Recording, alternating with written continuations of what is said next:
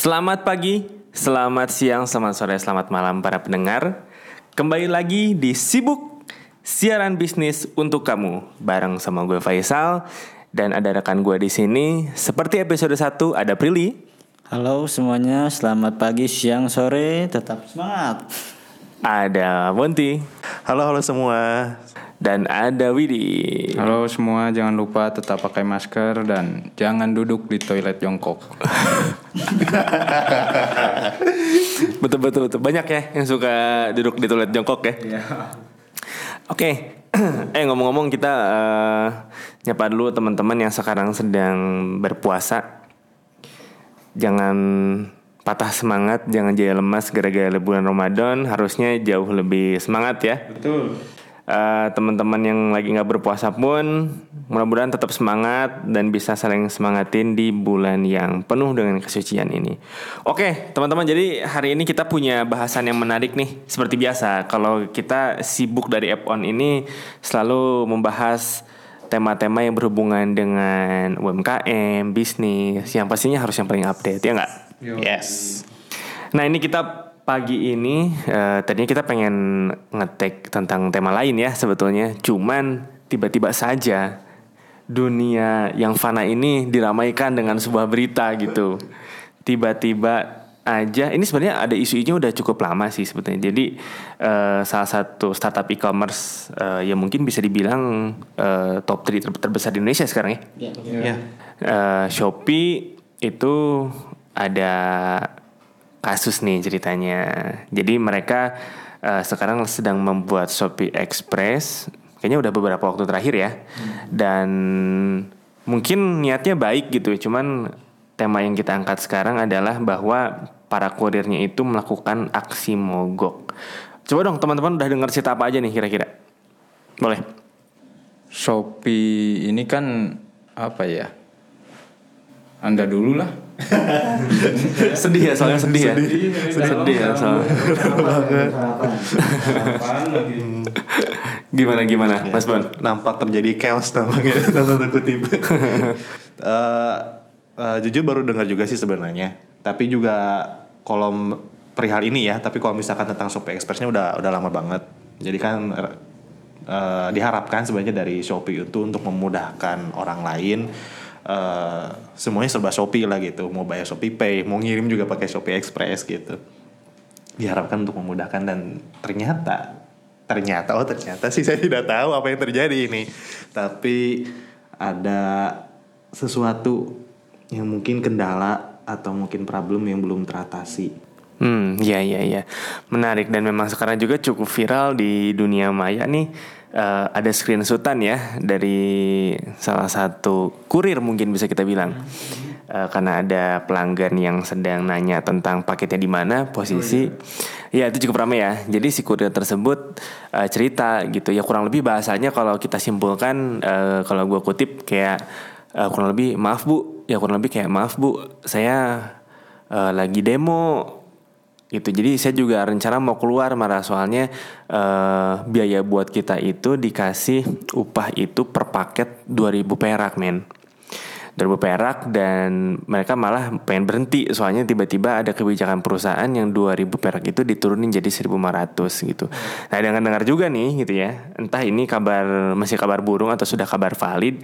Entah nih si kurir ini dapat gaji pokok atau enggak gitu karena memang eh, ada beberapa cerita juga yang menyebutkan kalau para kurir ini ada yang dapat gaji pokok, ada yang enggak gitu. Maksudnya dari berbagai apa sebetulnya ekspedisi ya.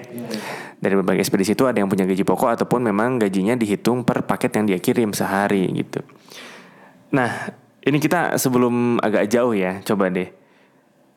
Kira-kira nih, sebetulnya 2000 per paket itu make sense nggak? Gimana, Prilly? Kalau buat saya 2000 per paket itu kurang make sense ya. 2000 mah mendingan beli gorengan ya. Bisa jadi dua, tiga gitu ya. Oh sekarang udah dua mungkin ya. Soalnya pertama eh, mungkin mereka ngupah segitu karena butuh eh, kurir sabutan mungkin ya. Karena kan tadi bilang ada yang beberapa yang digaji tetap secara pokok sama yang emang bener-bener per, eh, per paket dibayar. Nah kayaknya yang per paket bayar tuh kayak, kayaknya itu cabutan. Makanya secara pendekatan layanannya juga pun mungkin belum belum kelatih atau atau belum ke ke edukasi mungkin sama sama bagian logistik atau ekspedisinya gitu. Betul betul. Soalnya kalau misalnya kita lihat itu sebetulnya ujung tombak shopping online ya kurir ya. Soalnya gimana lagi kalau misalnya nggak ada kurirnya kita berbondong-bondong belanja juga percuma nggak akan nyampe rumah kan. Agak-agak miris juga sebetulnya ya gitu. Nah gimana nih eh, Widi dipotong jadi 1500 gimana pandangannya? Kalau itu benar terjadi gimana? Oh itu sangat sangat sangat apa ya menyedihkan sih untuk kurir. Soalnya maksudnya untuk 2000 per paket aja udah cukup menyiksa lah. Iya. Apalagi kan paket yang diantar yang dianterin juga nggak dekat gitu. Kadang-kadang kan jaraknya ada yang lebih dari 5 km dan sebagainya. Sekarang kalau misalkan sehari cuman bisa nganterin 25 paket aja berarti dalam sehari itu dia cuman dapat 50.000 ribu. Belum dipotong sama bensin mungkin, belum dipotong sama makan dan sebagainya. Ditambah sekarang ada wacana dipotong jadi 1.500, wah itu bakal nyiksa banget sih kayaknya ke kurir. Dan jadi wajar juga sih kalau mereka demo ya. Iya betul. Benar benar benar. Nah tapi ini juga yang jadi menarik kita sempat mungkin nggak tahu sejak kapan ya ada yang mulai notice nggak kalau di aplikasinya memang sekarang kalau kita lagi milih paket itu eh, paket kurir kita mau kirim barang nih yang muncul cuma Shopee Express. Iya ya. Soalnya kan terakhir kayak masih bisa milih tuh JNE, JNT gitu kan. Eh, nggak tahu nih apakah memang karena harus pakai Shopee Express atau bisa milih cuman menunya nggak ada gitu. Gimana? Teman-teman ada pengalaman nggak? Iya sih beberapa apa ya kayak sebulan lalu atau dari dua bulan kemarin gitu kayaknya ada perubahan itu tuh. Pokoknya terakhir di ya dua bulan yang lalu lah saya masih belanja pakai Shopee itu masih ada tuh si pilihan itu. Kayak kita masih bisa pi- pilih JNE, JNT yang sebagainya. Nah cuman pas terakhir pas kemarin tuh pas belanja emang udah gitu tampilannya. Oke oke. Ini kalau kita cek per hari ini juga sebetulnya ada pilihan sih bisa next day gitu ya. Tapi nggak ada keterangan kurirnya gitu. Ini apakah kitanya yang gaptek apa nggak bisa milih apa gimana ya maksudnya gitu. Tapi kalau misalnya dari Bonti nih, Bonti kalau misalnya ternyata Shopee hanya menentukan hanya pakai Shopee Express, tetap mau belanja di Shopee apa nggak?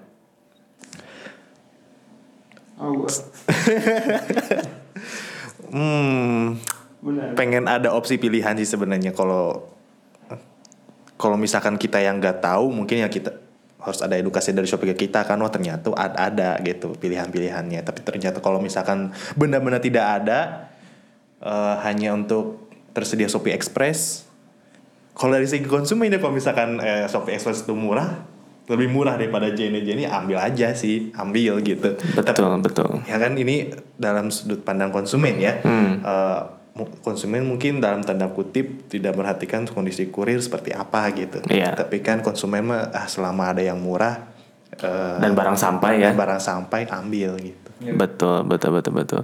Nah coba, coba beli kalau kira-kira nih, kalau misalnya kita ngelihat, ya apalagi kalau misalnya kita tahu, kayaknya kalau misalnya gue sekarang eh, nanya sama orang-orang, terutama cewek ya, kalau belanja online senangnya di mana? Kayaknya ma- mayoritas jawabnya Shopee deh. Ya mayoritas emang kalau untuk traffic di Shopee itu kebanyakan eh, cewek ya. Malah kategori teratas di Shopee pun juga kategorinya kategori kayak kosmetik kan sebenarnya sama fashion. Makanya itu kenapa eh, traffic yang paling gede di sana itu secara gender itu eh, cewek sebenarnya. Ya karena mungkin pertama banyak pilihan eh, kosmetik-kosmetik impor mungkin ya. Terus yang kosmetik yang harganya murah yang sampai ada aku lihat yang tiga ribuan itu kosmetik apa apa gorengan. apa gorengan lagi gitu kan. Maksudnya kan dipertanyain tuh emang apakah produknya ada standarnya atau enggak gitu kan. Tapi sejauh ini sih mereka sih aman-aman aja ya. Iya betul. Nah, eh, tapi gue coba coba coba kita lihat dari perspektif lain ya. Kalau misalnya eh, Shopee memang punya kuantiti penjualan yang fantastis setiap harinya gitu. Artinya eh, kalau misalnya mereka mungkin ya, mungkin niatnya mereka itu pengen ngasih layanan pengiriman yang tidak memusingkan pelanggan. Eh, jadinya daripada harus eh, pilih misalnya harus bisa JNT, bisa JNE, bisa tinggi dan lain-lain. Ya udah aja lah dikasih tahu ada yang hari ini sampai, ada yang besok sampai, ada yang instan mungkin gitu. Tapi eh, pakai kurir sendiri si Shopee Express itu. Cuman nggak tahu juga deh. Maksudnya ini si Shopee Express juga apakah dia bikin baru dari nol atau sebetulnya dia punya kerjasama sama eh, perusahaan lain gitu. Soalnya setahu saya sih Bukalapak pun punya. Bukalapak punya Buka Express kalau nggak salah. Tapi kalau nggak salah Buka Express itu masih kerjasama Secepat kalau salah. Eh iya antara si cepatkah atau Adi Express kah atau pokoknya dia masih kerjasama deh kalau nggak salah gitu. Nah ini agak agak menarik maksudnya kita lihat cukup eh, ekspansi luar biasa kalau Shopee memang membuat kurir dari nol gitu ya ngelihat market Indonesia gede. Tapi nih sekali lagi semestinya harusnya dengan kuantiti yang besar kalau mereka ingin membuat pengiriman yang murah tanpa harus merugikan kurir pun semestinya bisa ya. Gimana Widi pandangannya? Iya sih bener banget sih. Soalnya apalagi kayak di momen-momen kemarin tuh Shopee kan suka ada tuh kayak 44, 10 10 yang lain-lain gitulah. Itu kan pasti traffic penjualan tinggi banget tuh di Shopee. Maksudnya masa iya sih traffic setinggi itu tapi kurir kayak kurang diperhatikan. gitu lah. Hmm, betul, ya, betul. maksudnya sih ya harusnya sih bisa Shopee untuk lebih memperhatikan kurir mereka. Hmm, oke oke oke. Karena ya balik lagi si kurir itu ya ujung tombak Betul. sebuah perusahaan ekspedisi ataupun perusahaan e-commerce gitu kan. Benar, setuju, Kalau tanpa setuju. kurir Percuma dong. percuma. Iya, Iya, seperti itulah. Nah ini eh, kira-kira nih ya dengan adanya marak ini sebetulnya Shopee belakangan ini memang termasuk agak disorot media terus ya. Termasuk dari zaman yang kemarin eh, cintai produk dalam negeri benci produk asing itu ya kan.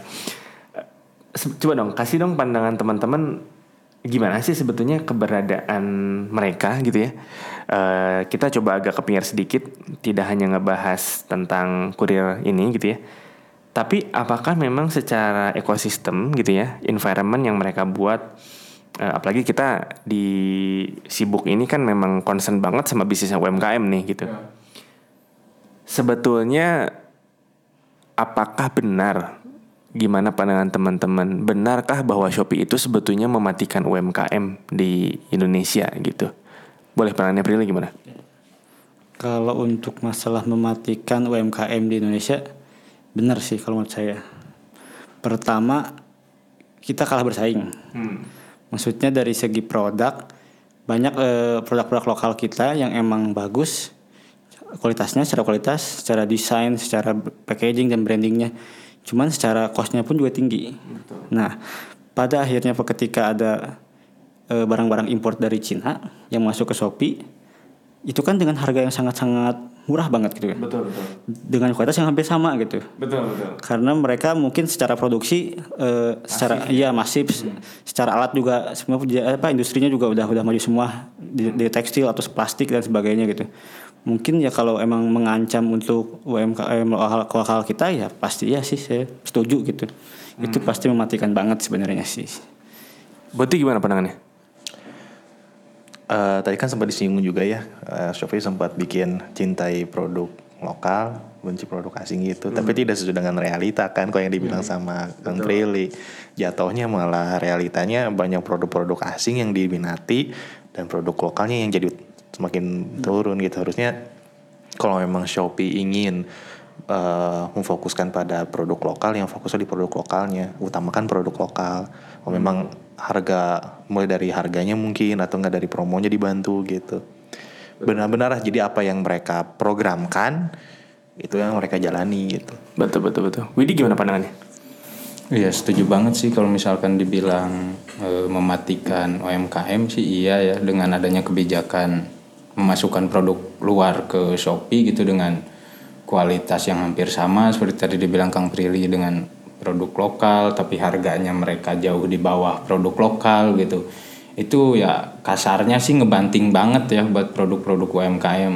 Maksudnya kalau misalkan Shopee emang apa ya konsisten ingin ingin terlihat konsisten dengan kampanye yang dia berikan harusnya sih dia sepenuhnya mendukung UMKM ya dengan cara ya bikin program-program untuk menaikkan atau memajukan para UMKM yang ada di bawah mereka lah. Iya, iya, setuju, setuju, setuju, setuju.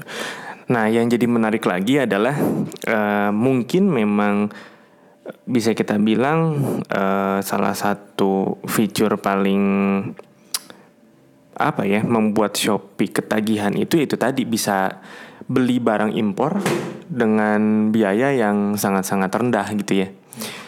Eh, kalau gue sih termasuk yang pakai kayak Tokped juga pakai, Bukalapak juga pakai. Tapi kayaknya belum ada deh yang apa namanya barang impor sampai nggak log- logikanya kan gini maksudnya eh, dulunya kita tahu kalau misalnya kita mau impor barang dari luar negeri itu kalau satuan pasti mahal dong ya tapi kalau sekarang kita misalnya di Shopee beli casing HP lah casing HP harga 5000 perak eh, terus dikirim dari Shenzhen biasanya Shenzhen tuh ya nggak sih dari Shenzhen terus ter- ada Mr. Hu tuh terakhir terkenal si Mr. Hu gitu kan Eh, eh Mr. Hu Mr. Hu nama orangnya sama tapi kan aneh itu itu Nah maksudnya dia ini eh, memang canggih gitu, entah eh, apakah memang secara infrastruktur Shopee, ya memang kalau nggak salah mereka di backup dananya adalah investor mungkin dari sana juga gitu ya salah satunya gitu. Tapi bisa membuat harga ekspedisi lintas negara yang begitu mahal menjadi sangat murah itu kan sebetulnya untuk eh, untuk perspektif bisnis ya itu kan luar biasa gitu,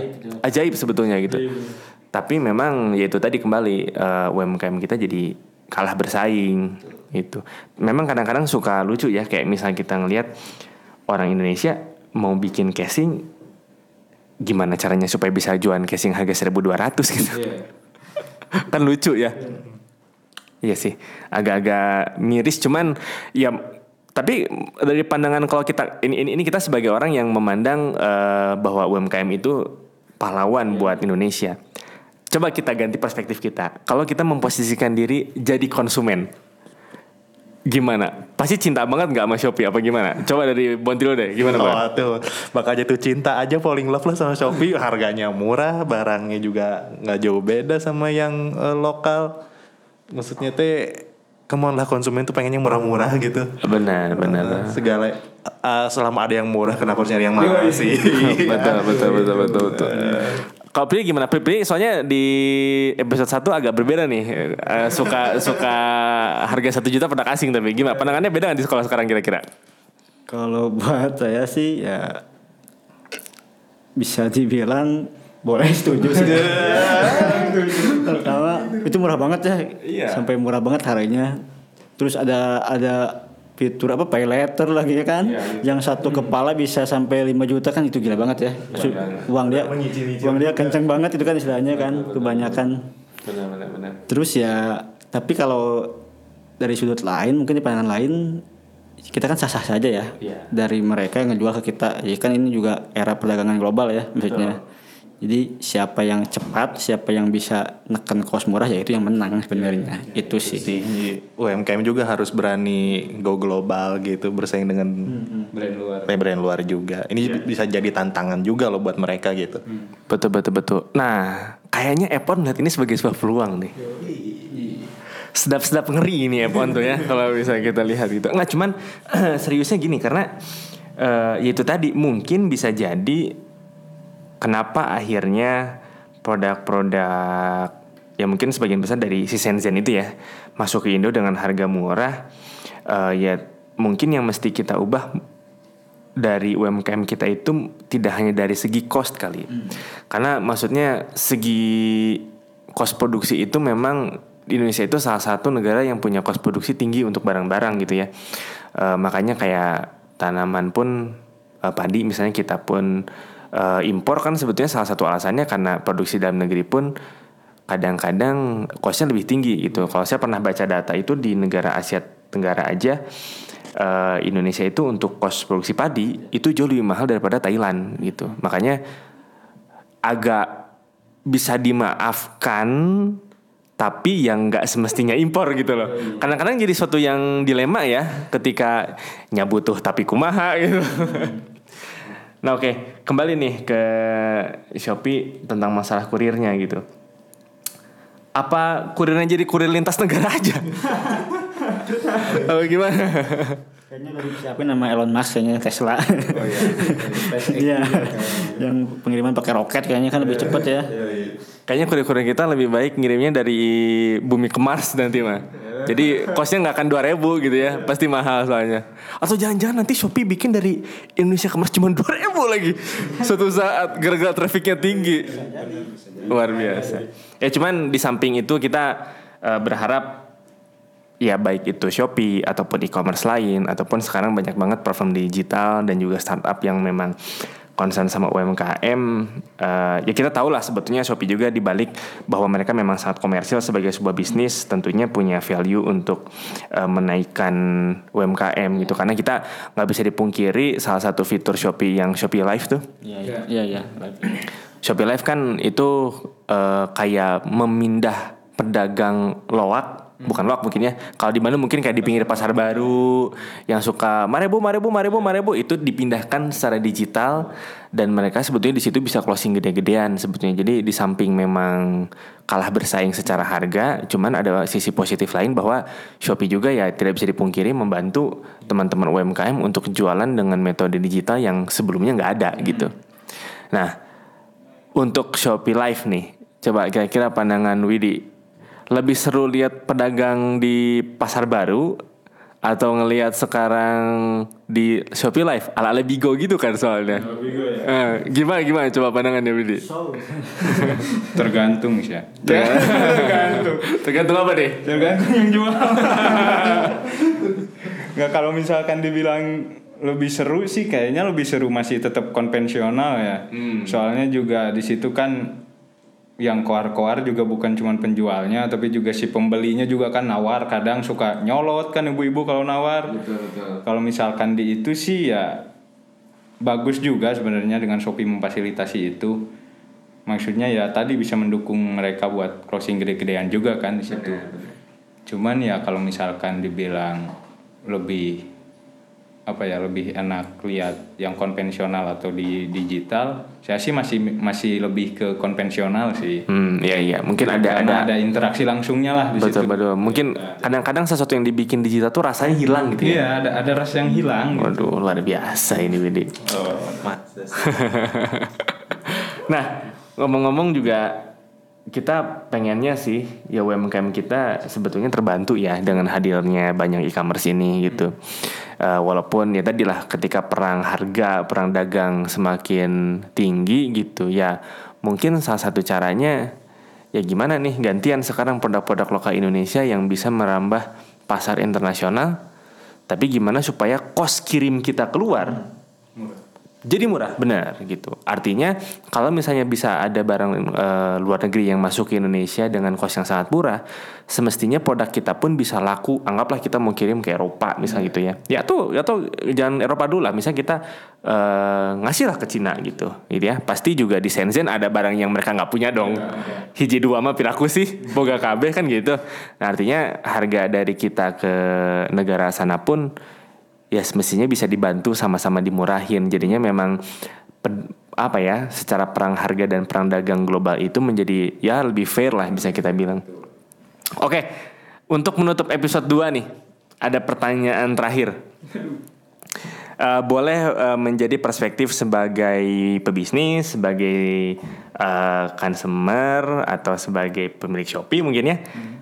Pertanyaannya satu, dengan huru hara yang terjadi di dunia maya ini gitu ya, eh, pastinya ini kan mempengaruhi nggak cuma Shopee, pastinya teman-teman e-commerce yang lain pun, apalagi mungkin top 3, top 5 di Indonesia juga melihat ini sebagai suatu berita yang perlu diperhatikan dengan serius gitu ya.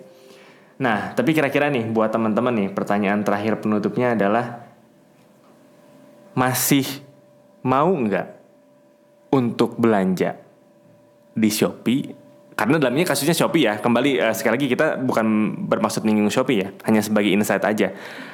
Apakah akan tetap berbelanja di Shopee dengan posisinya saat ini detik ini nih kita mengetahui bahwa ya bisa kita bilang mungkin kurir ya dibayar agak tidak layak bisa kita bilang segitu apakah ada sisi kemanusiaan dari teman-teman sekalian apakah memang seorang gua pokoknya customer Shopee sejati. Idealis sekali. Idealis sekali. Oke, coba Widi lu deh gimana, Wid?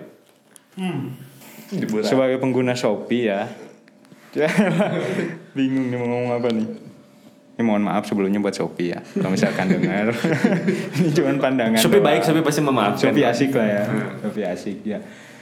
Kalau misalkan dibilang masih mau atau enggak sih belum bisa jawab itu ya. Tapi nyari aman. yang pasti enggak yang pasti saya akan menunda dulu mungkin. Menunda berbelanja di Shopee sampai akhirnya si kisruh ini eh, selesai dan si kurir bisa dapat solusi yang lebih layak lah. Jadi ketika ini semua masih terjadi huru hara dan hiruk pikuknya dong, saya akan menunda dulu lah. Oke, ba- agak-agak idealis berarti ya, Mas Widi. Ini Bung Prilly gimana, Bung Prilly? Kalau saya mah ya tetap aja. Gak ada hubungannya ya maksudnya. Kalau belanja di Shopee ya belanja aja di Shopee. Soalnya kan selain huru hara yang terjadi juga ternyata kan dari data kemarin juga penjualan yang paling tinggi di fashion juga ternyata brand lokal kita kan. E- Erigo itu kan yang jaketnya tiap perempatan ada tuh. pasti dilihat. Pasti, ada. ya itu. Berarti kan dari sisi lain juga mereka juga bisa meningkatkan juga daya saing ya maksudnya meningkatkan juga eh, penjualan-penjualan untuk produk UMKM di kita kan sebenarnya. Iya. Jadi ya imbang lah menurut saya mah gitu. Imbang, Jadi saya mah tetap aja gak apa-apa lah pakai Shopee. Oke, oke, oke. Mas Bon, gimana Mas Bon? Ini dari awal ngomongin Shopee tapi saya bukan pengguna Shopee ini gimana dong? Oh, nggak masalah, nggak masalah, nggak masalah, nggak masalah. Mas Bon pengguna apa nih kira-kira? Jadi ini namanya Bonti ya. Berarti, berarti biasanya pakai platform apa? Eh, platform aduh tok enggak Tokopedia Tokopedia Alasannya kenapa emang pakai Tokped? kenapa alasannya pakai Tokped Eh, pertama sudah dikenalkan awal oleh Tokped maksudnya jadi pertama muncul itu Tokped itu yang pertama Eh, yang kedua sudah terbiasa menggunakan itu jadi pas sudah dikenalkan digunakan pindah ke yang lain tuh perlu Adaptasi eh, lagi ya? adaptasi lagi jadi ah udah aja pakai Tokped Oke, menarik, menarik, menarik. menarik. Tapi so far pengalaman pakai Tokped, eh, Tokped gimana? pengalaman pakai Tokped yang sudah pasti jauh lebih mahal dibandingkan Shopee. jauh lebih mahal dibandingkan Shopee. Aduh. Tapi mungkin karena pilihan barangnya beda kali ya. Iya. Hmm. Oke oke oke menarik menarik menarik menarik. Nah ini juga kalau gue termasuk yang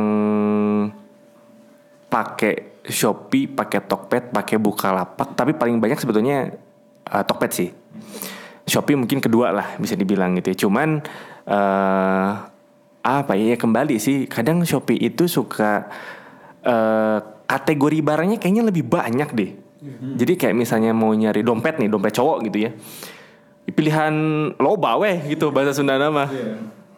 Bejibun banget gitu di Shopee itu gitu ya. Cuman kembali lah kalau saya ngelihat kasus kayak gini ya kalau kita nggak belanja kita tidak berkontribusi terhadap perputaran dong gitu ya. Artinya kayak tadi Mas Widi juga kan bukan berhenti hanya menunda sementara sebetulnya gitu. Artinya eh, ya bagaimanapun juga kita masih sisihkan uang untuk belanja sih Eh, roda perekonomian tidak akan bergerak kalau kita tidak melakukan kegiatan jual beli kan? Oke deh kalau gitu kita biasa kalau penutup kita doa bersama.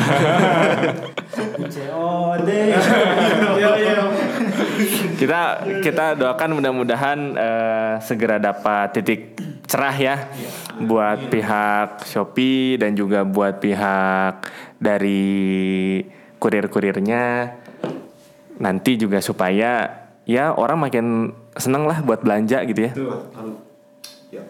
Nah apalagi ya sekarang juga sedang digalakan untuk belanja produk-produk lokal gitu. Nah mudah-mudahan sih nggak hanya Shopee ya, semua teman-teman e-commerce juga terhindar dari masalah lah. Mudah-mudahan semuanya ngasih solusi yang terbaik baik dari penjual untuk kurirnya, ya, termasuk kita sebagai dari pembeli gitu. Oke teman-teman, eh, thank you banget udah hadir di episode 2 nih. Iya, tidak terasa ya udah episode 2 lagi. Karena 20 ya baru. Tapi eh, ini seru banget, seru banget. Eh, mudah-mudahan teman-teman yang dengerin juga eh, senang sama podcastnya kita. Eh, apalagi terutama buat teman-teman yang memang sedang mencari jati diri di dunia perbisnisan luar biasa ya. Mudah-mudahan nggak jadi patah semangat gara-gara takut. Aduh ntar barang saya dikirim kurir nggak. Pasti masih banyak yang kirim lah. Nggak mungkin nggak dari sekian banyak yang demo masih ada yang ngirim. Nggak mungkin mereka juga butuh makan soalnya. Mau nggak mau gitu ya. Oke untuk teman-teman sekali lagi s- selamat menunaikan ibadah puasa. Eh, terima kasih sudah mendengarkan sibuk episode 2 nanti kita akan ketemu lagi di sibuk siaran bisnis untuk kamu episode 3 yang akan tayang masih belum fix nih sebetulnya ya Ya. tapi karena tapi karena belum fix, jangan lupa follow akun Spotify kita. Sekali lagi, yang lagi di jalan hati-hati, yang lagi di rumah jangan diem aja. Apa? Usaha dong. Usaha, dong. Oke, sampai berjumpa lagi di Sibuk episode 3.